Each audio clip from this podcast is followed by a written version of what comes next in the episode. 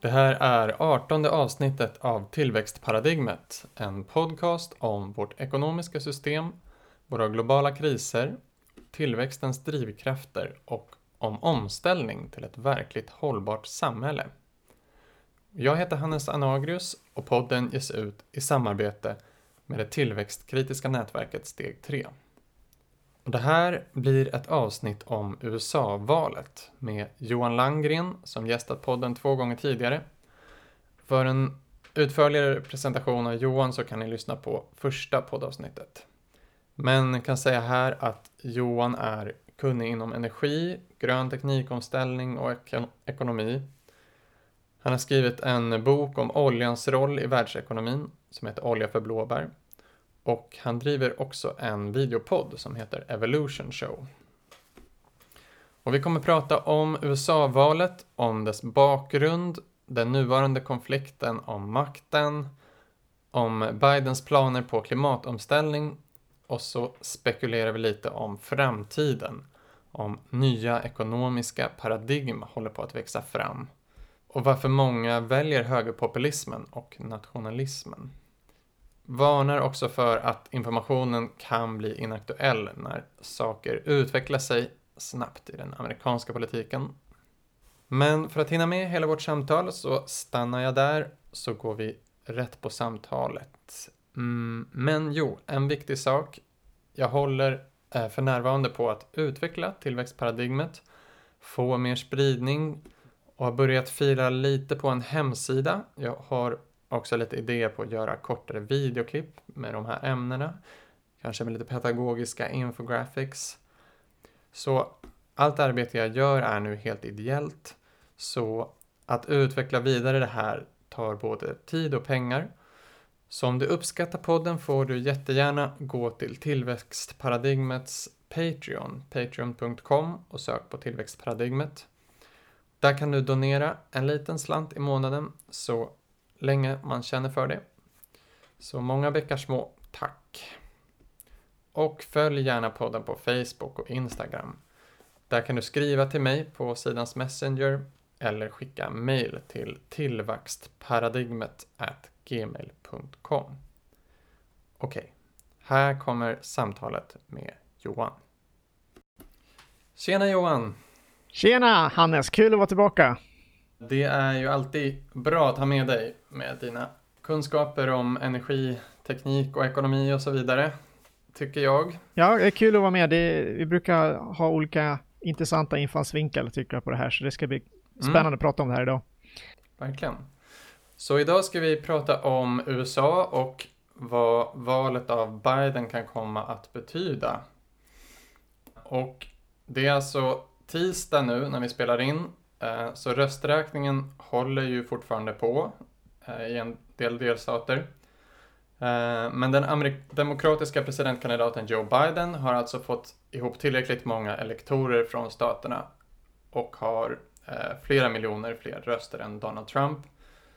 Så anses nu vara vinnare och media, inklusive Fox News, som då brukar vara på Trumps sida i många frågor och många världsledare Även flera republikaner har ju erkänt Biden som vinnare nu.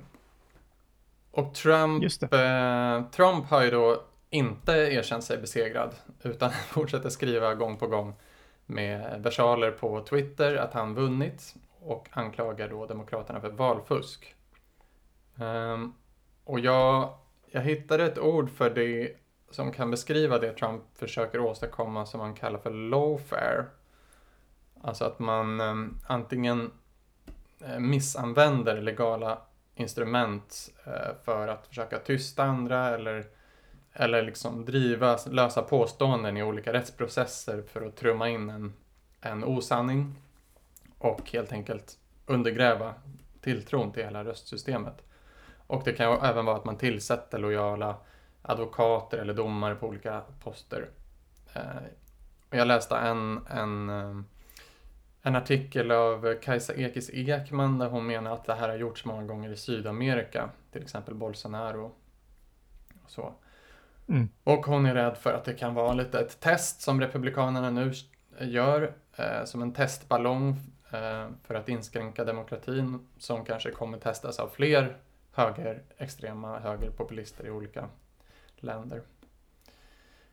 Men eh, ja, känslan tycker jag ändå är att det blir svårt för Trump att sitta kvar. Jag vet inte vad du känner.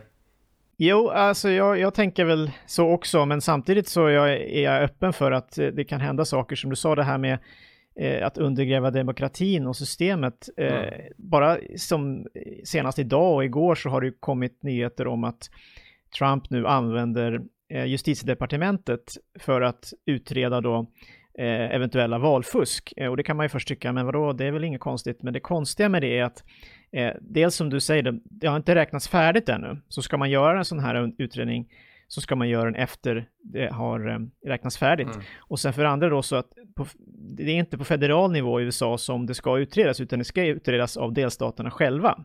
Sen kan man föra upp det här till högsta domstolen, så, så vi säkert kanske kommer in på. Mm. Men det är en annan sak. Eh, och det återigen som till det du sa, att ett sätt att då undergräva och ifrågasätta systemet, det är ju att, och att ifrågasätta valet, är ju då för att Trump att säga att nej men titta, justitiedepartementet har ju faktiskt eh, sagt att det här kan vara något, något fuffens liksom. Mm.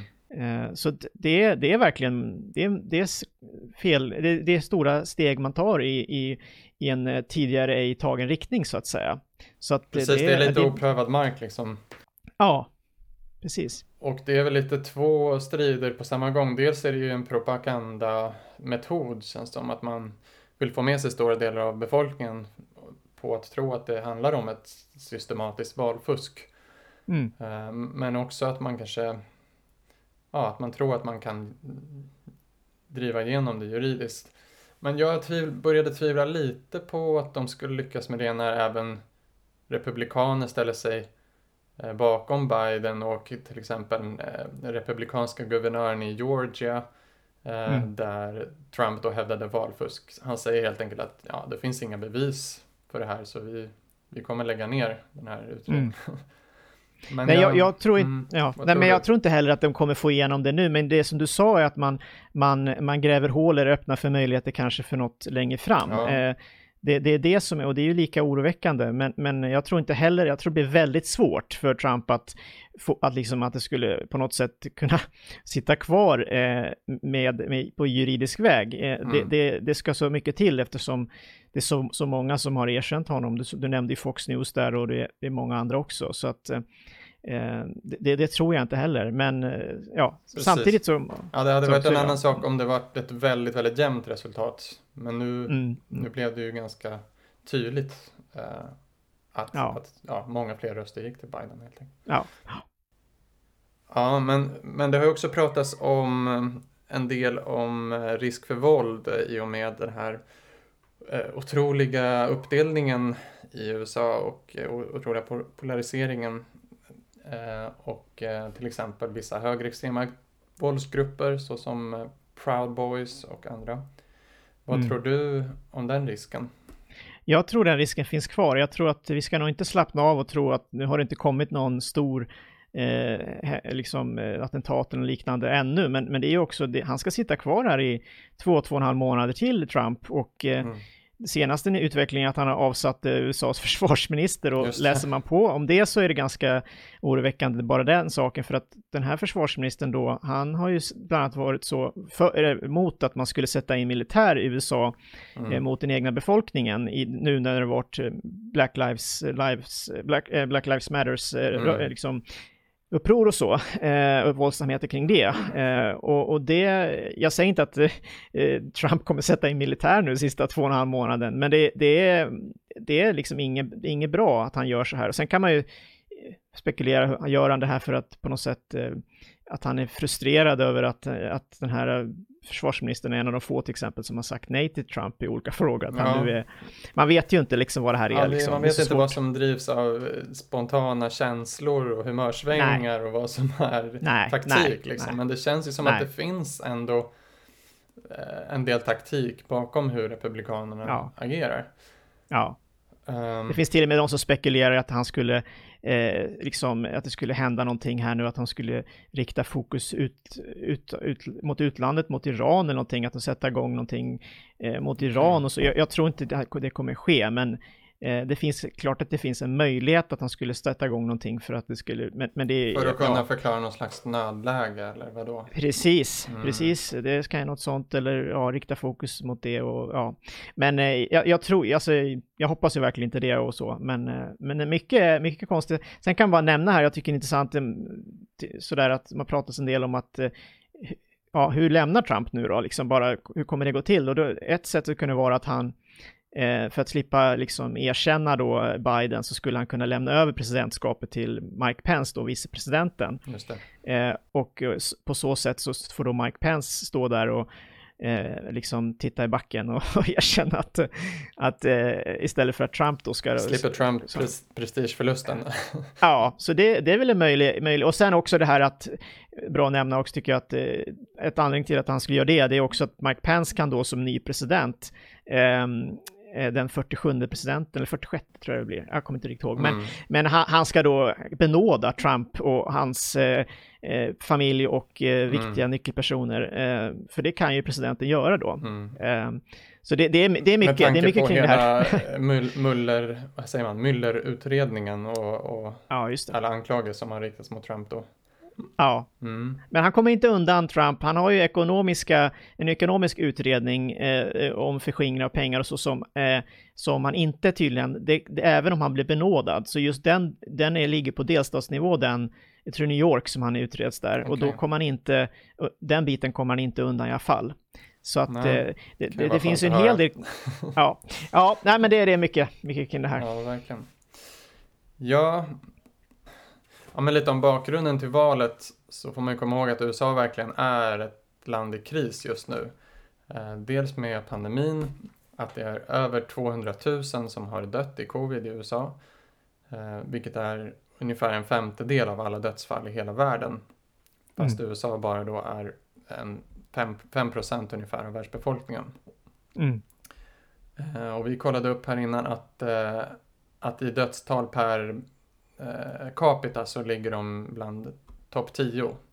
Mm. Och eh, det gör ju inte Sverige då. Nej. Så det, pandemin är, är verkligen nära inpå i USA och eh, det är över 10 miljoner bekräftade fall. Eh, det är väldigt okontrollerad smittspridning. Mm. Och eh, och sen den ekonomiska krisen. Även om arbetslösheten har gått tillbaka lite så är den fortfarande väldigt hög på grund av pandemin. Eh, I april så steg arbetslösheten eh, officiellt till ungefär 15 procent. Och sen mm. har den sjunkit till runt 8 procent nu. Um, mm. Och um, ja, 8 miljoner amerikaner beräknas ha hamnat under fattigdomsgränsen på grund av pandemin. Så det är, i flera städer så delar man ut matpaket till behövande för att mm. man är liksom food, det man kallar för food insecurity har ökat enormt. Alltså att folk vet inte när eller hur de ska få tag på nästa mål mat. Liksom, I världens rikaste land. ja, ja det är mm. Så, ja, jag vet inte, hur tror du att pandemin och den här ekonomiska krisen har påverkat valet och valutgången?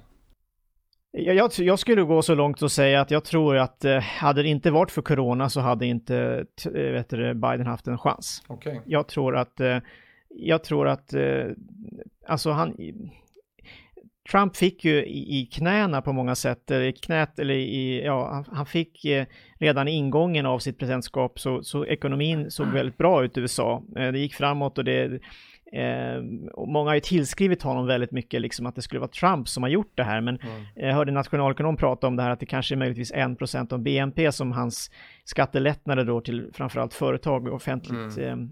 eh, offentliga företag har lett till. Men mycket handlar ju om att den här teknikomställningen som pågår och som eh, med sociala mediebolag och så vidare i USA, eh, som Google och Facebook och eh, så vidare, som, som har gått väldigt bra mm. eh, i USA och så. Och eh, det har inte med Trump att göra. Nej. Utan det fanns ju redan innan. Eh, så att, eh, men... Så bra, bra betyder egentligen stor, eller BNP-tillväxt och väldigt eh, stora vinster ja. kring några få techbolag. Ja, och, och, för det brukar ju vara så också att man, historiskt så brukar det vara så att ha, går det väldigt bra för ekonomin för en sittande regering, en sittande eh, president, om man går till val för återval liksom, då brukar det vara väldigt svårt för att komma en ny och kunna säga då att, eh, ja men jag, jag, är ännu bättre liksom, för då är det ofta snarare att då, ska han, då går han i försvarsställning istället, den, den liksom opponenten då, eller den mm. oppositionsledaren då, som man säger, den nya som försöker ta makten, och då, då blir det svårare att motivera det om den redan går bra liksom. Men, men jag undrar om folk upplever att, att det gick så bra, alltså en del gör ju det såklart, men mm. för det är ju ojämlikheten ökar ju verkligen för ja. år för år liksom i USA. Ja, Jo, men jag tror att det blev på något sätt eh, droppen här. Det, det ju, man måste ju komma ihåg att jag har inte någon siffra på det här nu, men det har ju det är otroligt många, det är hundratusentals, jag tror flera med, till och med miljoner här, som har blivit arbetslösa nu på grund av corona i USA. Mm. Och de har ju inget socialt trygghetssystem att falla tillbaka på som i Sverige. Nej. Så att det blir ju en enorm eh, utmaning för samhället att hantera det liksom. Mm. Eh, så att eh, det är klart att många då och sen då hans hantering, eh, Donald Trumps hantering, liksom hur han går ut och ena dagen så säger han en sak och sen en annan en annan och han liksom i början så lyfter han ju fram vetenskapen och den här Antonio Fauci då, deras motsvarighet till mm. Tegnell då. Är, Um, och sen så ifrågasätter han honom och smutskastar honom och det är ju jätte... Mm liksom sådana svängningar. Jag tror folk liksom samtidigt då när, när valet, när vi såg presidentvalet närma sig, bara dagarna innan så var det ju eh, rekordmånga som smittades och mm. jättemånga lades in på sjukhus. Det är klart att det, det tror jag har påverkat. Mm. Det... Jo, så är det verkligen säkert. Jag lyssnade lite på eh, en annan podd, eh, Upstream heter den, med en författare och nationalekonom som heter Richard Wolff. inte inte Richard Wolff, skådespelaren. Eh, Nej. han har skrivit en bok som heter The sickness is the system. Och eh, ja, han förklarar där helt enkelt att alltså, oavsett Trump-administrationens liksom, passivitet kring covid så är det ingen slump att USA har drabbats så hårt av pandemin. Eh, och att liksom inte kunna skydda samhället mot sådana här chocker som viruspandemier som, som vi vet kan hända eh, är ett, eh, ja det beror mycket på det ekonomiska systemet. Och eh, ja, dels pratar han lite om det som vi har tagit upp med krisberedskap, att det är olönsamt att hålla stora lager med mediciner och skyddsutrustning. Eh, och att överlåta liksom, hälsa till ett sånt här vinstdrivande system eh, gör att man aldrig kommer vara förberedd för en pandemi som är ju liksom man har ju varnat för pandemier eh, länge, att, att de kan uppkomma. Men man är inte förberedd för det och så jämför han lite USA och Europa. Eh, att eh, ja, det första som hände i USA var ju att man med den ekonomiska krisen var att man sparkade miljontals människor. Eh, men i Europa blev inte arbetslösheten lika hög för att man, ja, staten gick in både i USA och i Europa och försökte rädda företag med massor av pengar. Men i Europa var det mer riktat och villkorat så att folk inte skulle bli av med jobben. Man gjorde ju permitteringar som i Sverige och så vidare. Mm. Medan man inte hade de kraven eh, på samma sätt i USA. Ja, och lite på samma sätt det här med trygghetssystem som du nämnde. Att man, lika många går inte att testa sig om det kostar massa pengar att gå till sjukhuset. Eh, eller om det kostar att vara sjuk från jobbet så kommer många gå till jobbet i alla fall trots att de har symptom. Mm. Så ja, men eh, det här med ekonomi så har ju det, det kanske för många storföretag så upplever man att man har klarat sig ganska bra för Federal Reserve har gått in med enormt mm. stora lån till nästan ingen ränta. Mm. Um, så samtidigt som folk upplever att det är kris och massarbetslöshet så är ju börskurserna med Nasdaq eh, högre nu än innan pandemin. Mm. Mm. och Richard Wolff mm. nämnde att eh, jag tror att de 600 rikaste i USA har eh, fått in 825 miljarder dollar sedan pandemins start.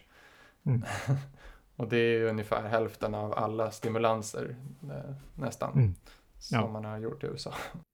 Och där kan man ju nämna att det här med låg ränta, det, det, tror jag inte hade spelat så stor roll vilken president som har suttit. Men då blir det återigen att man tillskriver Trump, eh, att det skulle vara Trump som har gjort eh, under hela sin mandatperiod och så, för det är inte bara, det är innan, även innan, mm. han, innan coronan som man har tryckt massa pengar i USA Eh, och injicerat dem i ekonomin eh, för att få liksom både, och det har ju påverkat börserna och så vidare. Men mm. Eh, så det, det, är viktigt att hålla isär liksom. Jag tror många, det har blivit ett narrativ om att Trump har räddat ekonomin och allt går bra för ekonomin. Eh, ja, för, för stora bolag och för viss del så har han påverkat marginalen, men det är inte, mm. det är inte presidenten som, som driver ekonomin. Det, det är liksom många som inte förstår att det, det funkar inte så i USA, utan mm. visst, det Federal Reserve kan göra mycket och så, men mm. det är också, och det är, de reagerar ju på marknaden. Det är ju nästan alltid så att de går ut innan och marknaden tolkar hur Federal Reserve ska sätta räntan. Mm. Men den, föl, den följer liksom bara utbud och efterfrågan ungefär. Är det mm. på väg ner och så, då går de in och trycker pengar. Är det inte det, då kanske de håller kvar till och med höjer liksom. Precis. Eh, så att det där är ju, ja. Mm. Ja, och, och det var, eh, jag ser en del likheter med den här ekonomiska krisen och finanskrisen, att det som egentligen händer vid sådana kriser är ju inte att, eh, att, så att verkliga tillgångar förstörs. För många liksom, tillgångar som fabriker, eh, byggnader, arbetskraft och sånt, de finns ju kvar. Mm. Så det som liksom förstörs det är de här förväntningarna, upplåsta förväntningarna på framtiden som ja. går upp i rök.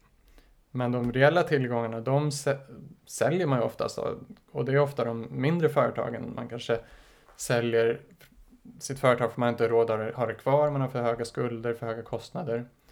Så, mm. så det som händer vid finanskrisen och som antagligen håller på att hända nu är ju att mer och mer tillgångar koncentreras till de till färre ägare.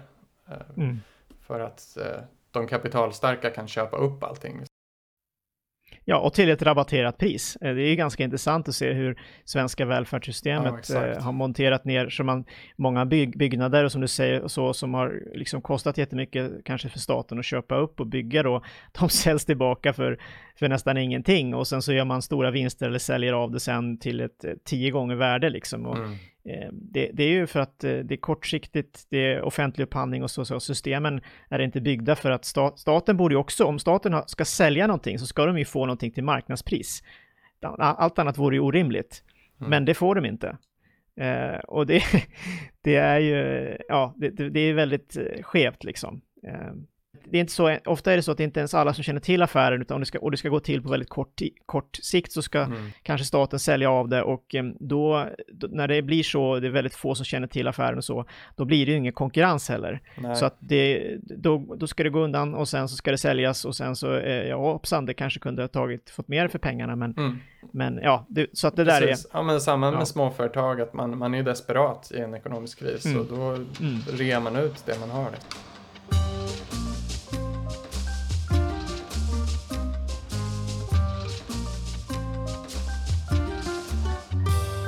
Ja, jag tänkte om vi skulle komma in lite på klimatomställning. Mm. Och eh, prata lite om hur, hur vi tror att eh, världen kan komma att bli annorlunda med Biden som president. Mm. Och då, han har ju åtminstone i dollar räknat en rätt ambitiös klimatplan. Som han kallar det inte för Green New Deal som man har påpekat i flera debatter. Eh, för att det är ett koncept som hon, Ocasio Cortez eh, kom fram med först då. Mm. Så han kallar det för Build Back Better. Och vill satsa, om jag har siffrorna rätt, tror jag nästan 2000 miljarder dollar på mm. en mm. klimatomställning. Och han vill att USA ska vara eh, koldioxidneutralt 2050. Med massor av eh, laddstationer eh, för elbilar ska byggas, man ska satsa jättemycket på solpaneler och vindkraftverk och så vidare. Mm. Det finns även några element av eh, klimaträttvisa i den här planen, att man ska satsa lite mer på fattigare områden som drabbas hårdare av klimatkatastrofer och så. Vad tror du om Bidens möjligheter att eller vad tror du om hans plan och möjligheter att, att få igenom en klimatomställning? jag, jag, tycker att när man läser igenom planen så tycker jag att den är ambitiös. Det tycker jag verkligen att det, det tycker jag är, är, verkligen tydligt. Du har nämnt, du nämnde många viktiga punkter här med mm.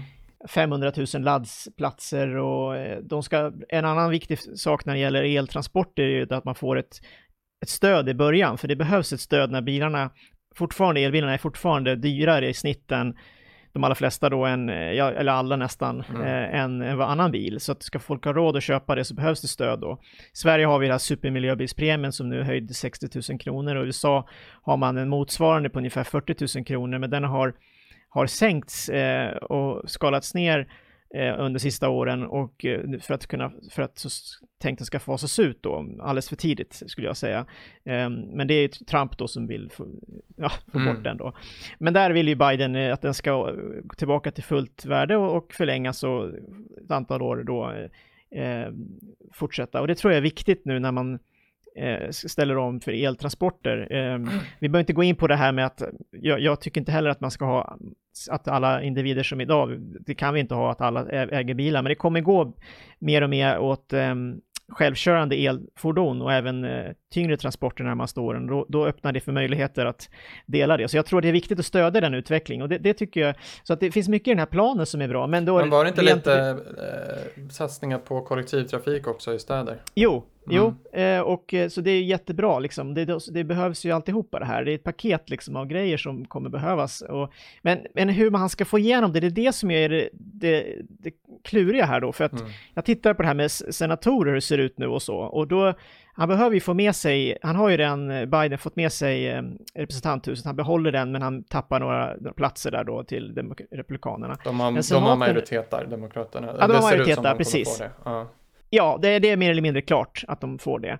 Men eh, däremot i senaten då, man måste ju få igenom i båda när man röstar igenom ett lagförslag. Ja. Och eh, eh där, som det ser ut nu ungefär, så, så verkar det så att eh, det lutar åt att det blir cirka fem, troligtvis 50, om jag, om jag räknar med de som, är, som ser ut att, de ser ut att vinna nu, Republikanerna, så blir det cirka 50 stycken platser eh, som Republikanerna får, medan eh, eh, Demokraterna kan få 48 eh, kanske till och med 49 och då blir det eh, 49 eller till och med 50, men då måste mm. de vinna Georgia. Georgia har eh, omval nu två senatorer eh, samtidigt. De, mm. de, eh, ingen av dem som, som, eh, som röstades om nu fick majoritet och då blir det sådana här extraval. Så att det, i januari vet vi om det kommer bli en av varje, en senator ja, det är första varje... januari alltså. Ja, just de är det det.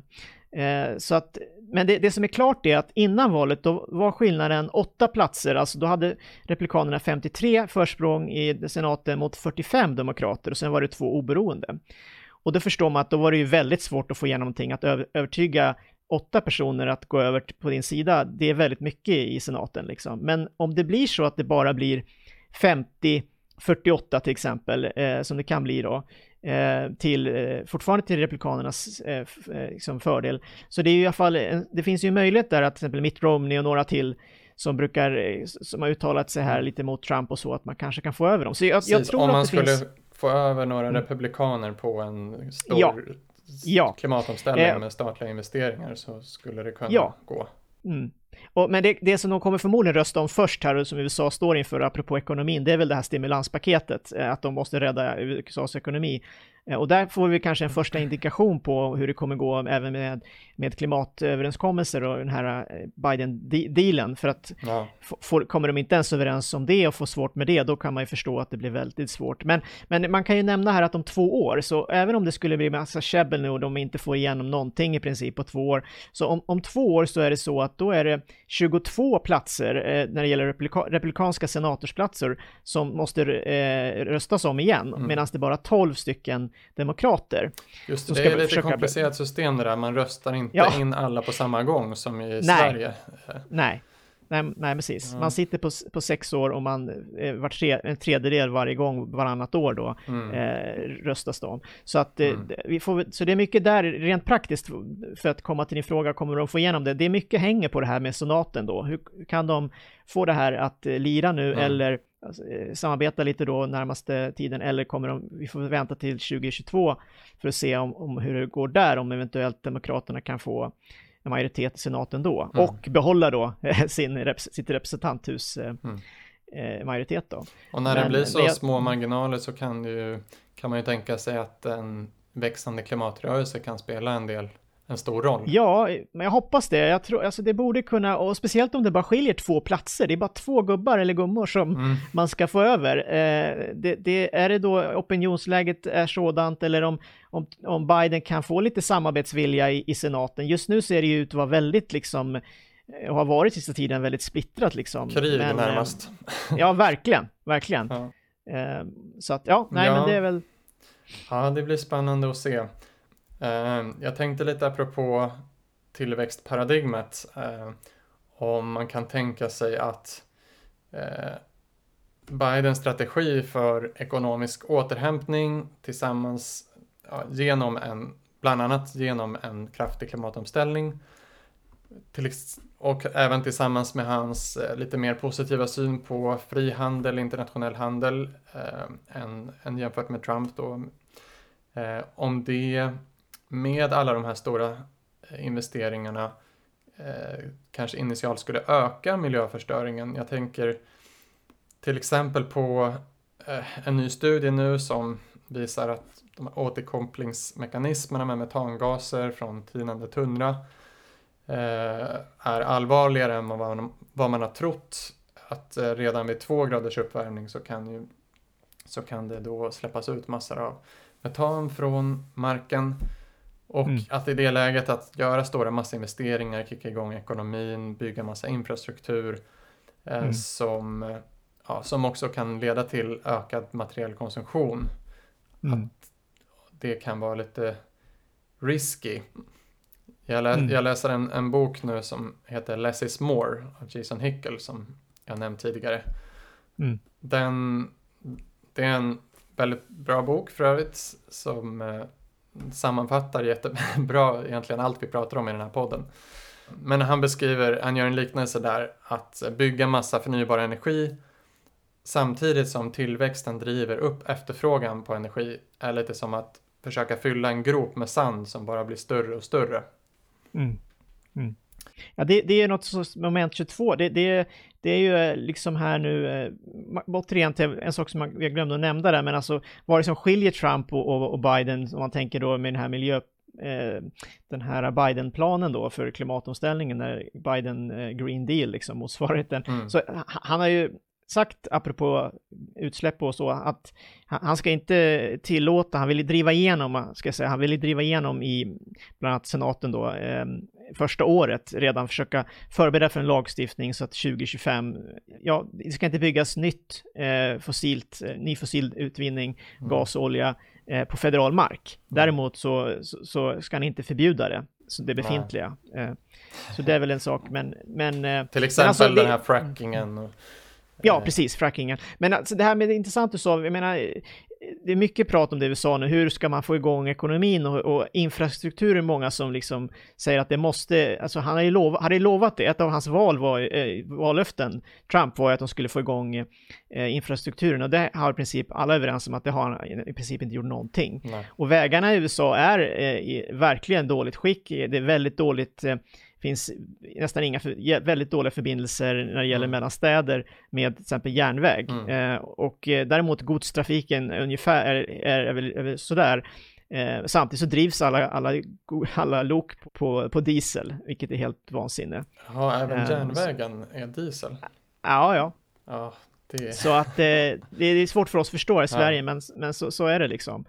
Eh, och den, det, så var det inte. Det var faktiskt, eh, det är en lång historia, men det är ju GM och Standard Oil en gång i tiden som monterade ner allt det där. Men, men det fanns ju en väldigt utbyggd järnvägs eh, Mm. och, och Men, men om spåren finns borde man ju kunna byta ut eh, loken bara. Ja, det är ett steg man kan göra, men då, då fast det är inte bara, du vet, du måste ju ha eh, du måste ju ha eldragen eh, ovanför. Jo, Det, det är det det. är Eh, en så investering att, det också.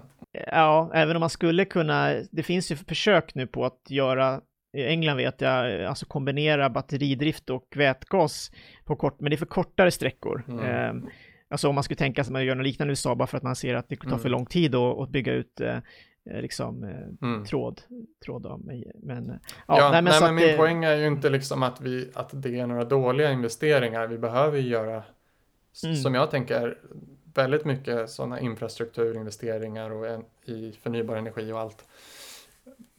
Frågan är väl om, om man inte samtidigt gör några typer av begränsningar på andra områden som den ohållbara konsumtionen.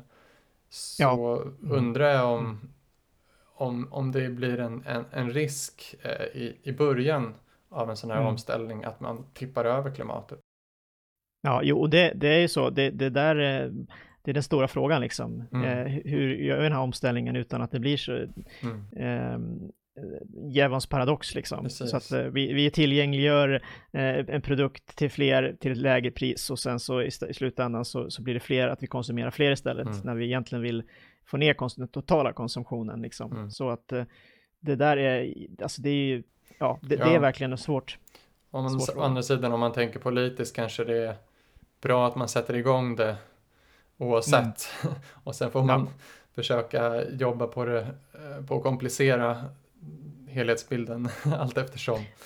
Ja, man kanske kan trycka ner, man kanske kan, eh, det här med grön skatteväxling och så vidare, man kanske kan också styra sen mer när det blir mer accepterat, man ser att den nya tekniken, vissa tekniker ser man att det här funkar ju jättebra, det här minskar, leder till minskade utsläpp, det här kan vi fortsätta med mm. och så kan man se, gå in på en ny sektor där man kanske inte innan vågade prata om det eller såg att det fanns lösningar, Nej. nya sätt. Och då, man kan ju hoppas att det, att det går, att det, att det på så sätt kan bli, mm. gå i rätt riktning, liksom steg för steg då. Men, mm. men det är absolut inte givet och det är viktigt att prata om det här så att man inte tror bara att en grön omställning med grön teknik automatiskt mm. leder till till att vi kommer runt tillväxtproblematiken, för mm. det, det, gör vi ju absolut inte. Liksom. Du nämnde förut att, han, att de skriver någonstans i planen att de är medvetna om flygindustrin, att den har höga utsläpp mm. och sådär, men ja. Men de föreslår inte liksom några direkta åtgärder? Nej, inte vad jag förstod att de skulle, de skulle, de skulle titta på att eh, bland annat eh, eh, med biodrivmedel och hur det skulle kunna liksom, man såg att det fanns möjligheter att gynna den in, inhemska produktionen inom jordbruket och, och så. Eh, ja. Och det där är ju också mycket, det är säkert liksom, det är mycket, där är också ekonomi och även säkerhetspolitik det handlar om och så, mm. Eh, att minska bero, beroendet av olja då. Ja, det är lite samma eh. utveckling som i Sverige, att eller en, en av utvecklingsvägarna i alla fall som, som det känns lite som att man satsar en del på nu. Att biodrivmedel får ersätta det fossila, eh, vilket ju många gånger inte är så mycket hållbarare. Precis. Men, men å andra sidan så kanske Biden kan, vad, vad tror du internationellt om man kan bilda fler allianser för omställning och man kan få med sig andra länder på ett bättre sätt än Trump, eh, till exempel Kina. Vad tror du? Ja, jag tror ju att det, kommer, det är jätteviktigt. Eh, Parisavtalet direkt måste ju tillbaka. Man kan ju tycka vad om Parisavtalet, att det är otillräckligt och, och allting, men det är ju fortfarande det vi har att jobba med mm. till, till en början. Eh, så att, att USA kommer in igen där och, och tar sitt ansvar, börjar visa framfötterna där är ju jätteviktigt bara som en signal, som ett första steg liksom. Eh, och få med sig, alltså att det blir en ytterligare, om, om de visar allvar, tar, tar saker, eh, förhandlingarna på allvar och börjar visa att de gör förändringar, då sätter ju det ytterligare press på de som inte, som fortfarande är motståndare. Jag tänker till exempel på Brasilien som har blivit någon sorts eh, eh, liksom eh, lillebror till, eh, till Trump liksom och mm. bästa polare för att de då tänker ungefär likadant kring, kring hur de ska, mm. Eh, hur, miljö och, och liksom så. Eh, han har ju monterat ner båda två, alltså Trump monterar ner i princip hela, mm. all, alla skyddssystem för miljö och så vidare i USA, eh, medan, jag vet det, Bolsonaro. Bolsonaro gjort likadant. Mm. Eh, det verkar det, i alla fall vara ganska lätt att återställa, eh, har jag fått mm. intrycket av att Biden med så direkta, även om man inte har med sig senaten så kan han göra sådana direkta Ja, just det. Dekret, dekret ja, presidentdirektiv. för att mm. återupprätta vissa miljöregleringar. Ja. Mm. Jo, så det, det kan man ju, så det, där, där kan vi, det var bra, tog, tog upp det, för där är något som kan hända konkret faktiskt, även utan mm. alla problem med senaten. Men, men, eh, jag tror att USAs eh, roll i världen som, när det gäller klimatet, jag, jag tror den absolut eh, kan spela en roll, speciellt då med få med sig andra eh, när det gäller Parisavtalet och förhoppningsvis om de kan få till något samarbete med, det är svårt att se idag, men med Kina till exempel, det är de två länderna som är de största utsläpparna, det är Kina totalt sett och, och eh, USA också nummer två då. Mm. Um, så att um, mm. det, det, det, är jätteviktigt liksom, som ett första steg. Um, ja, jag tror, tänker också att det blir en, en skillnad bara att USAs president faktiskt erkänner problemet och, Ja, och pratar precis, om precis. och liksom talar eh, om vetenskapen som, eh, som vetenskap och inte Ja, Ja, det kan vad sänder det på, för- påverka liksom Mm. opinionen också. verkligen, verkligen. Ja, nej. Ja, man kan ju fråga sig om, om Biden och Demokraterna eh, och tillsammans med rörelserna, klimatrörelserna som växt fram i USA eh, kan utmana fossilbolagen och eh, många banker som investerar i fossilt och eh, mycket av det som förstör klimat och miljö eh, som har en väldigt stark makt i de amerikanska parlamenten. Ehm, Mm. hur, hur stark tror du den makten är och finns det möjligheter eh, Alltså att det- bryta ja. den här, den här, em, ja, det här liksom symbiosen mellan storbolag och politiker? Ja, det, det är ju något som är, det är en långsiktig process. Jag tror det är jättesvårt att tänka sig att vi ska se en, en radikal förändring av det på kort sikt, eh, tyvärr. Liksom det är, jag tror det man kan hoppas på i USA, det är att det är mycket, de största förändringarna sker på federal nivå, eller delstatsnivå då, Mm. eh, ska jag säga. Eh, och titta på Kalifornien exempel som typ ligger tio år före alla andra länder, eh, alla andra delstater i, Mm. USA när det gäller miljöpolitik och, och de har ofta satt press och inspirerat andra, länder, andra delstater att göra liknande saker sen när man sett att oj, det var ju faktiskt eh, ekonomiskt bra att göra så också och det hade Mm. de här de här positiva effekterna liksom. Eh, så att jag tror vi ska nog hoppas mer på de delstatsförändringarna och att det blir att det blir fler delstater som, som jobbar åt samma, i samma riktning. Det är intressant att nämna här att Texas till exempel som är den, en av de absolut viktigaste oljedelstaterna då och har varit historiskt också. Mm. De satsar väldigt mycket. De har ju till exempel välkomnat då eh, den största elbilstillverkaren Tesla då. De bygger då världens största elbilsfabrik då i, i Texas nu. Och Texas har också satsat mycket också på, på delstatsnivån med, med vindkraft och förnyelsebart. Mm. För de ser också att det, det är jätteviktigt och nödvändigt liksom. Mm. och grön teknik och så satsar man mycket på i, i Texas. Eh, och de är inte ensamma om det. Det är många andra delstater som, som är inne på det också. Så det jag är lite jag roligt kan att det, att det händer just i, i Texas, eh, Ja. oljestaten. Läste Ja. någon artikel om att de har, det finns något, kommer inte ihåg om det var i Texas i och för sig, men det var ett, eh, ett museum om kolkraft i en, en bygd som var väldigt präglad av kolkraften. Eh, Mm. Men hela museet numera drivs eh, av solenergi. Ja, man kan ju nämna här, du vet Rockefeller som, eh, John D. Rockefeller som grundade Standard Oil då, som en gång i tiden var världens mest värderade bolag och han var världens rikaste man. Eh, han, eh, hans släktingar och arvtagare och barnbarn, de har ju det Rockefeller, eh, Rockefeller Foundation och de har ju ställt om hela sin portfölj nu till att det bara blir fossilfri.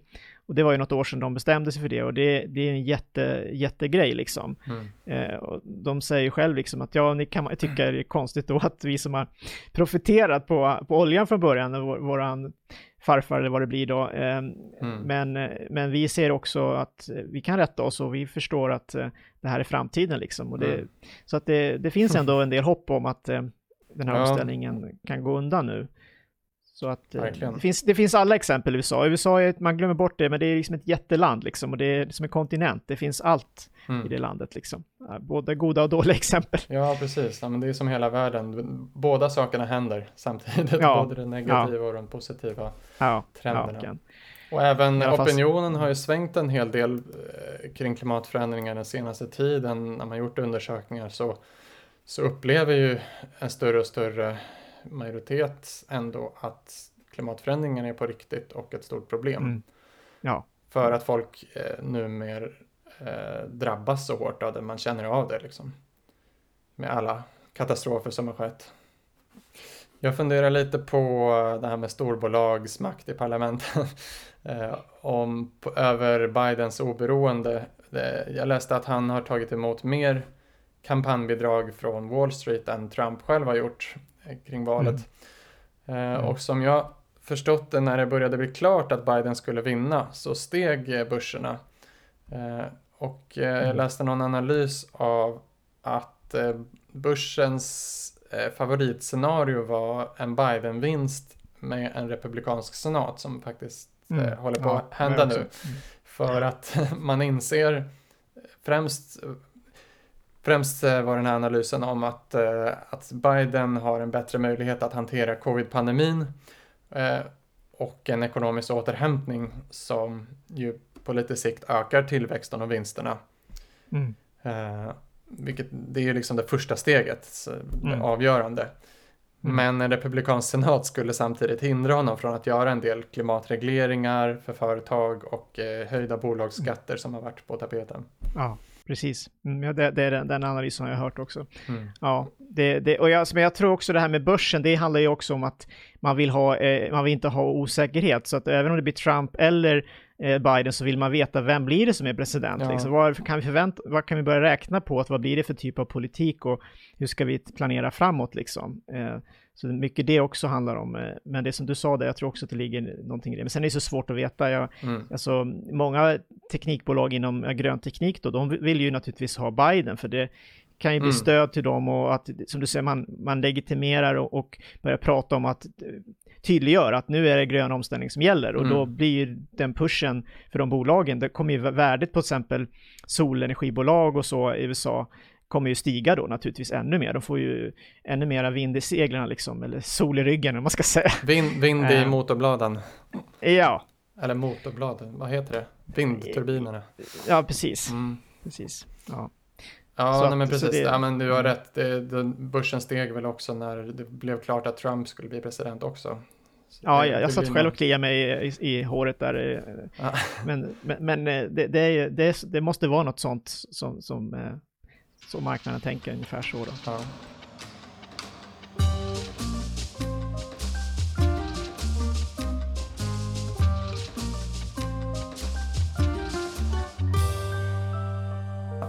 Jag tänkte eh, reflektera lite över eh, olika föreställningar om ekonomi som sitter väldigt djupt rotade och som jag tror bidrar till eh, en maktlöshet som många känner eh, för samhälle och politik och liksom eh, en brist på framtidstro, vilket jag tror är en av anledningarna till att högerpopulismen växer och att Trump hade kunnat bli vald och så. För att man, eh, ja helt enkelt när man inte tror att ekonomi eller samhälle kan se annorlunda ut, man tror inte omfördelning för mer jämlikhet är möjligt, till exempel, så röstar man hellre på någon som, som spelar enligt de här ekonomiska spelreglerna, men har hittat andra enklare svar på samhällets problem. Ja, för de här enkla svaren verkar liksom som Eh, det enklaste sättet att få en radikal förändring som har störst chans att lyckas, tror jag många mm. upplever. Och därför är det många vanliga amerikaner som litar på och kanske till och med identifierar sig med en skrytsam fastighetsmiljardär som Trump. Mm. Mm. Och då istället för att rikta liksom, ilskan eh, uppåt mot eliten som verkligen har dragit ifrån den ekonomiska eliten i USA så riktar man ilska mot samhällets botten eller mot andra länder eller media, olika mm. konspirationer. Mm. Och jag, jag tänkte utgå lite från eh, Thomas Pikettys senaste bok, eh, Kapitalet och ideologin. Som jag inte läst kan jag säga, den är nästan 1200 sidor, eh, så mm. det är lite projekt. eh, men jag har lyssnat på poddsamtal om den och läst recensioner av boken. Och huvudtesen är något som Piketty kallar ojämlikhetsregimer. Alltså hur ojämlikhet i inkomst och förmögenhet har sett ut och eh, ideologiskt legitimerats i olika samhällssystem eller samhällsregimer. Och det kan vara till exempel kastsystemen i Indien eller ståndsystemen. Eh, det kan vara rasideologier och andra saker. Mm. Som fungerat som legitimitet till liksom, eliten att fortsätta behålla makten och resurserna. Och eh, idag så är det en del ekonomiska liksom, idéer eller doktriner som sitter väldigt djupt eh, som många ofta inte tänker på men som dominerar mycket av vårt sätt att resonera om världen. Som såklart gynnar eh, de som har mest resurser och mest makt. Och då tänkte jag på en föreställning. Jo, att det finns en, en produktiv del av ekonomin som är då det privata näringslivet och att den är som en motor som försörjer resten av ekonomin, det offentliga. Och mm. om man gör några som helst beskattningar eller lägger kostsamma regleringar på det privata så, så drabbar det här jobben och välfärden. Eh, men egentligen är det ju mer ett samspel mellan det privata och det offentliga som stödjer varandra. Mm. Men eh, i eh, den här föreställningen så tänker man sig att det liksom uppstår värde när det sker privata investeringar och att det här skapar jobb som ger inkomster och sen från de inkomsterna kan man betala skatt till välfärd. Och jag påminns om den här föreställningen när jag hade en diskussion med en som han jobbade i ett privat företag och, eh, och då jag eh, jobbar för kommun. Och då menar han att ja men kom, dina, din lön den kommer ju från mig, det är jag som betalar med skatten. Mm. Eh, då undrade jag om han menade att hans företag skapar nya pengar. För allas liksom, inkomster är ju, alla inkomster är ju andras utgifter. Mm. Så hans lön kommer ju också någonstans ifrån. Någon har ju betalat honom eh, genom att köpa hans produkter på samma sätt som eh, man betalar skatt för att jag ska utföra ett arbete. Mm. Så det är ju liksom ett kretslopp. Och pengarna är ju liksom bara symboler för allt det här värdet. Mm. Inom det privata så skapar man varor och tjänster och inom det offentliga så skapar man främst tjänster, tjänster eh, men också varor. Och eh, ja, skillnaden är att de offentliga, de säl, offentliga tjänsterna säljs inte på en marknad. Även om de senaste decenniernas politik med liksom, privata bolag i välfärden och så har fått det att se ut så, så finansieras det ju eh, fortfarande med skatten. Så ja, någon som skulle behöva ett nytt hjärta skulle ju förmodligen vara beredd att betala allt den hade för att få det mm. fixat. Ja, ja. Mm. Men den kostnaden skulle liksom på marknaden skulle den hamna över vad många kunde betala. Mm. Så därför har vi välfärdsstater liksom med mm. Eh, kollektiv finansiering. Och om man går tillbaka till USA så har ju de ett ganska annorlunda system. Och eh, ja, där försäkringsbolagen bedömer varje person, hur lönsam är den här personen att sälja en försäkring till. Istället för att slå ut den här risken på hela samhället. Mm. Och eh, eh, nej, om man skulle införa Medicare for all eh, i USA med ett offentligt finansierat eh, sjukvårdsförsäkring så skulle det ju skillnaden vara egentligen att istället för att man betalar olika premier till försäkringsbolag eh, som oftast arbetsgivaren bestämmer vilket det är. Eh, så det är inte riktigt ett valfrihetssystem heller. Eh, så skulle man ju då betala till staten som garanterar alla basal sjukvård. Mm. Och ja, det är ju som jag ser ganska mycket effektivare.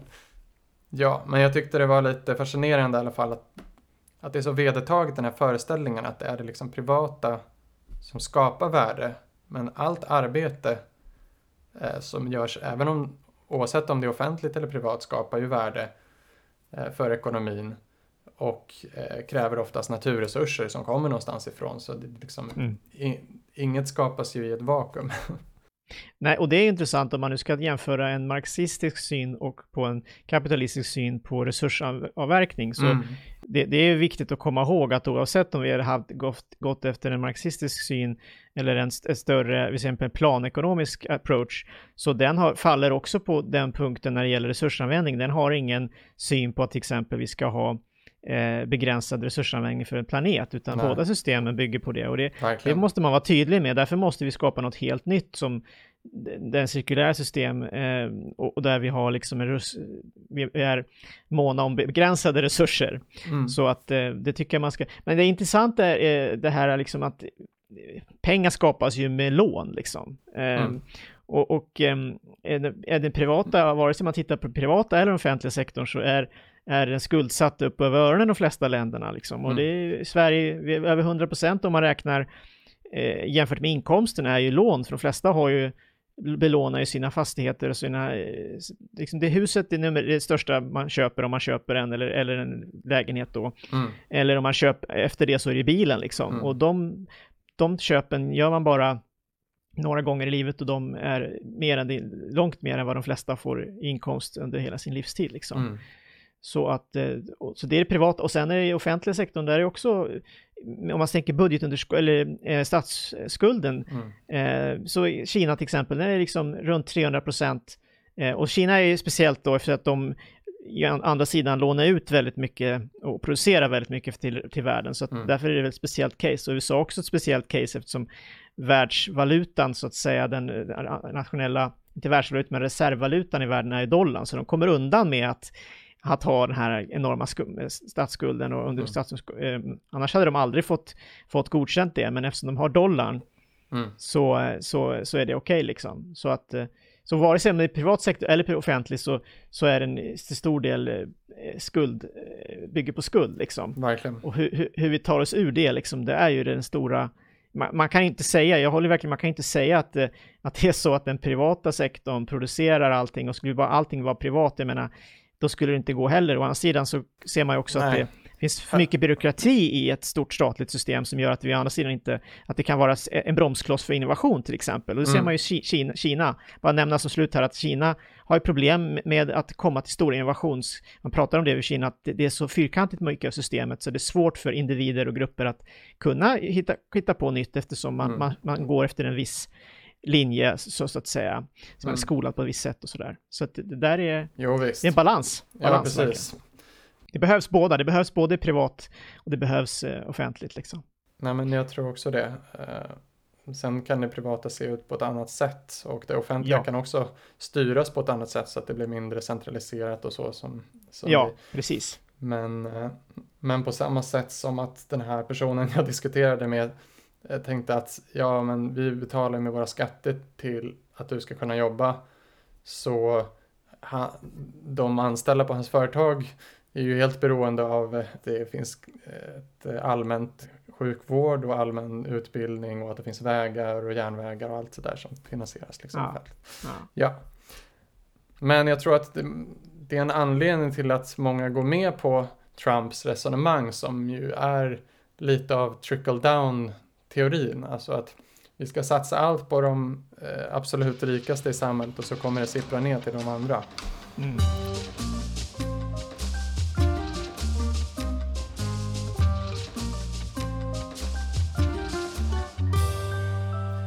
Och det för väl oss in på nästa fråga tänker jag. Om, det är, om vi är lite i början av ett nytt ekonomiskt paradigm i och med att Trump nu verkar förlora Eh, och mycket av eh, diskussionerna eh, bland ekonomer och även eh, IMF och OECD och så har ju svängt en del. Och man går lite mer mot någon slags ny keynesianism där man accepterar stora statliga investeringar, till exempel klimatomställning. Och det är lite slut med den här tanken att marknaden av sig själv ska fixa alla problem. Och Många överger det som man brukar kalla monetarismen, alltså att man behöver åtstramningskrav och krav på att hålla statsskulden och inflationen nere. Och en tanke med ny keynesianism är också att ekonomisk återhämtning ska komma mer underifrån än uppifrån. Alltså istället för trickle down så är det mer att man investerar i låg och, eller i alla fall medelinkomsttagare så att de sätter mm. fart på, på hjulen. Liksom. Um, vad tror du om, om framtiden? Ja, du tänker hur, hur, hur den här utvecklingen ska gå, alltså från, ja, om det ska bli en paradigmskifte då med från, som, från om vi tänker. Ja, som du sa så är ju det här ganska tillväxtfixerat också. Ja. Men eh, det är en annan typ av tänk kring ekonomi. Mm. Och som du sa, det är ju ganska skuld. Ja. Beroende också. ja, men jag tror att systemet på något sätt själv, eh, vad ska man säga, det, man kan inte säga kanske att det självreglerar sig, men att de har, jag tror att Världsbanken och så vidare, ECB eh, och, och Federal Reserve och eh, det intressanta är lite grann här hur Kina kommer att utvecklas och Kina vill ju skapa sin egen reservvaluta och en, en utvecklingsbank för Asien mm. vill de bygga och så eh, med BRICS-länderna och sådär. Eh, det, mycket det kommer också styra hur den här utvecklingen går, men jag tror att om man nu ska komma in på på medborgarlön eller och sådär, att det kanske om vi nu tänker att allting automatiseras mer och mer, eh, vi kan kalla det automatisering, kan kalla det eh, liksom koncentration av kapitalet till några få individer och få bolag, mm. då minskar också per automatiken de köpkraftiga eh, konsumenterna och eh, även arbetskraften minskar, mm. eh, arbetarna minskar. Efter, och då på efterfrågan sätt, på arbetskraft minskar. Ah, ja. Efterfrågan på ja precis, eh, den minskar och då måste ju no folk måste ju fortfarande leva liksom mm. och då, om inte länderna ska kollapsa liksom, så ekonomi ekonomierna ska kollapsa så måste då pengar fördelas ut liksom mm. eh, till de här och hur det ska gå till och, och det var ju en, en presidentkandidat i Demokraterna som drev basinkomst väldigt hårt då. Young. Ja, ja just det. Mm. Men det, det, är ju liksom, det blir ju nyckeln då för att annars så, eh, så kollapsar ju det här systemet och då måste vi skapa något helt nytt. Och eh, som en övergångsperiod så tror jag att det, det kommer ju, det, det, är ingen slump att Riksbanken pratar om någon sorts digital valuta och, och så vidare. Det, det, där, allt det där är ett steg i, i en sån riktning för att mm. man har mera kontroll över, över pengarna eh, och samtidigt kunna förändra systemet snabbt om det behövs. Mm. Eh, så att eh, det, det, ja, när det är jättesvårt att säga. Jag tror att det kommer, mm. det kommer bli någon sorts övergångsperiod där vi ser några sorts hybridsystem tror jag, eh, mm. innan vi kommer över till någonting. Jag tror inte det kommer gå så snabbt eh, på fem, fem år liksom, eller något sånt där, att det skulle helt nytt system, det tror jag blir svårt. Men jag tror säkert vi kommer kunna se mm. eh, i olika länder, olika, även i, inom Sverige, att vi ser mer lokala ekonomier och så, att det blir en, att det växer fram sånt för att det blir nödvändigt. Folk kommer inte, ser inte att hur de ska kunna... Mm. Är man, är, man pratar mycket om att det här med att AI automatiseringar, men det skapar ju nya jobb och det kommer skapa minst lika mycket jobb. Men eh, vänta nu, alla de här personerna som är 50 plus och så vidare som inte kan, eh, alltså alla som mm. 50 plus kan, kan ju inte skola om sig, vissa kan ju naturligtvis, men, men många kommer inte kunna det. Mm. Och då måste ju de antingen försöka hitta något nytt, skapa något nytt, eh, ny ekonomi och kunna verka i den, eller så måste de få pengar liksom. Ja. Eh, det, det, är ju... Jag tänkt, eh, nästa avsnitt tänkte jag att vi skulle prata bara om basinkomst. ja, ja, okej. Okay. Men det där, så det, ja. det, det, jag, har, jag tänker bara, jag bara spånar här liksom. Ja. Det är vad jag tänker att det, det är möjliga vägar framåt liksom. Mm. Men att det kommer krävas, att systemet visar nu, i och med att alla räntor är i princip noll eller negativa, och det är för att vi ska hålla igång ekonomin och vi ser inte heller att vi kan ha fossil tillväxt som ska kunna skapa en ökad, för det, i botten är det ju fossila tillgångarna som gör att vi kan få växa hela tiden på planeten, mm. eh, har gjort, kan ha gjort det ekonomiskt. Det, det, det bottnar liksom i det. Yeah. Och kan inte det göra det längre, har vi ingen billig energi, vi måste ställa om till någonting som har, eh, som har lägre energi-output, liksom förnyelsebara energin har lägre output, ja då måste vi också bygga en ny typ av ekonomi. Mm. Och när alla resurserna är begränsade så, så, och, och, vi måste ta tillvara på dem i den här nya ekonomin. Då kan man inte heller eh, bara kasta bort saker som vi har gjort nu liksom.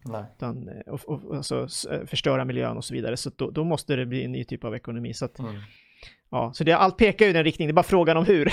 ja, det, Nej, men jag, tänk, jag tänkte de olika liksom, idéspåren som går nu och eh, parallellt med det här mer investeringsvänliga eh, liksom, eh, klimatomställningstänket så lever väl också det kvar eh, lite Trumps idéer om protektionism och gynna mm. egna jobben inom det egna ja. landet och den nationella mm. ekonomin först. Mm. Eh, mm. Du nämnde lokala ekonomier.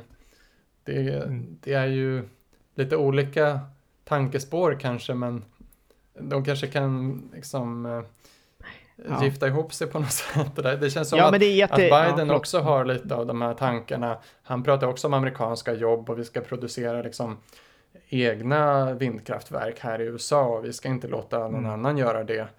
Nej. Jag vet inte om han eh, flörtar med olika väljare om han egentligen tänker sig en ganska global ekonomi. Jag vet inte. Nej, jag tror det kan ligga, jag tror det kan vara mycket, jag tror mycket handlar om ekonomi och de egna, att man liksom, man, är, man har sett att hur arbeten försvinner och att Kina blir den stora motorn i, i världen och att man gärna vill att USA ska kunna behålla sin, sin position och gå tillbaka till lite grann som det var förut, liksom att de var mera Eh, för nu är det ju, man måste ju vara, det, det, man ser ju det, att Kina leder tek tekniken på många områden och det är för att de producerar och utvecklar väldigt mycket i Kina nu i, i en rasande takt liksom. Mm. Och USA känner att de kom på efterkälken. Eh, och, och, det, det, och då har ju, om, om, man, det är inte bara Kinas fel, det är, det är en global ekonomi, det handlar om det. Mm. Men Kina är ju en viktig del av det och USA känner då att man kommer efter och, och många, många blir arbetslösa och automatiseringen leder till arbetslöshet generellt för många. Eh, och det, det, det, är nog, eh, men det här med, bara som du sa, jag tror att det är en viktig poäng att det finns en mörka sidan, mörka måste säga, men den, den en andra sidan av det här, det är att det kan öka till, leda till ökad nationalism. Eh, mm. När man inte vet hur man ska klara det här, om man inte kan samarbeta över länderna och eh, eh ja, mm. i, frustrationen som växer fram av minskad arbetslöshet så leder det till, till olika former av nationella och politiska kriser. Liksom. Men det är också en det, lösning på något sätt att uh de som oroas över att jobb, för det är ju ett reellt problem att jobb flyttas från landsbygden, folk, jobb flyttar mm. utomlands, folk blir av med jobben. Ja. Eh, och såklart, du nämnde att man skulle kunna ha basinkomstsystem så att man, men, men samtidigt man behöver ju, folk vill ju ha någon typ av sysselsättning, någon, eh, ja. det är också en identitetssak. Eh, oh mm. Och mm. eh, så kan man skapa mer lokala ekonomier så kan man ju få tillbaks mycket av det här. Ja, men där, det, där, där står ju den glo globala ekonomin mot den nationella och lokala. Eh, om man ska hårdra det så, så blir det ju en konflikt. För att om man ska, alltså det behöver inte alltid bli det, men det kan bli det om, om man ska se, se det ur ett ultimat konkurrensperspektiv. Ja, då kanske det finns någon liten, något litet ställe i Indien som producerar billigare och effektivare än det skulle gjort i Sverige. Men å andra sidan så då miljövinsten och, och eh, de alla andra eh, liksom, mm eh, vinsterna som kommer av spin-off-effekterna av att ha den i Sverige, även till ett lite inte lika effektivt sätt då. Ja, det, det, den kanske är... Och den effektiviteten ja. definieras ju mer som att det, det, är billigare i dollar räknat eller i, ja, i kronor precis. räknat. Så det är mer ja. att mer olika låglönelägen som man utnyttjar kanske än att det är så mycket smartare sätt att, att producera någonting på. Ofta, så är det, ofta är det samma teknik som man kanske ja. använder i Kina eller USA. Ja, Precis. Och gå, ska man ta ett steg till och tänka faktiskt hur vi är på väg, så är det ju så att nu går automatiseringen så långt att det faktiskt kommer bli så att det spelar ingen roll var fabriken står någonstans. Innan så var det ändå någon som skötte maskinerna och det kommer vara det nu också till viss del. Men ju, ju längre vi går i automatiseringen, ju mindre spelar den här billiga arbetskraften någon roll. Nu ser vi ju redan i Kina att nu flyttar arbetskraften till exempel till Indien, för nu är indiska arbetarna ja. mycket billigare än kineserna. Men nästa steg är att vi går så långt att det faktiskt är maskinerna i princip, alltså Tesla pratar om the machine that builds the machine liksom. Eh, och eh, går vi så långt, ja, och det finns ju för och nackdelar, men, men det är ofta, det är ofta vara... någon som hamrar ihop de här små delarna i alla fall, eller Ja, och, men det kan ju göras, ja, mm. men det kan ju göras eh, faktiskt i nationellt eller lokalt då, då, behöver inte kostnaden vara så hög att man gör, vinner så mycket på att den står där i, på någon liten... Det är en annan sak när fabriken står 10 000 arbetare och står vid en, vid en symaskin liksom. Mm. Eh, då, då börjar vi prata pengar, men är det bara några stycken och, som sköter det där, och ingenjörer och så vidare, då kan det ju lika väl vara hemma i Sverige liksom. Så att, eh, ja, det är spännande ja, det här. Vi får se vad som händer, vi ska inte prata hela se. kvällen. Nej, du får klippa ihop det här sen. Ja, men uh, det ska bli spännande att se och vi får väl hoppas att Bidens vinst är någon början på en vändning i alla fall.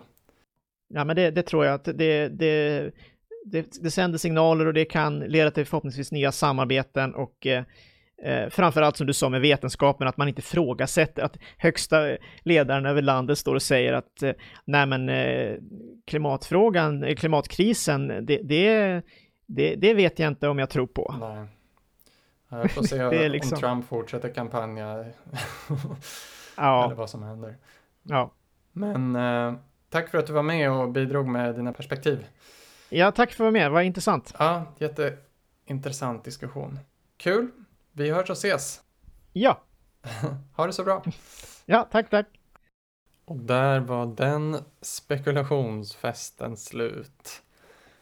Jag ska inte dröja lika länge med nästa avsnitt tänkte jag, som handlar om basinkomst vilket jag ju utlovade redan den här gången. Men då USA-valet är så högaktuellt så får ni vänta lite längre på basinkomsten.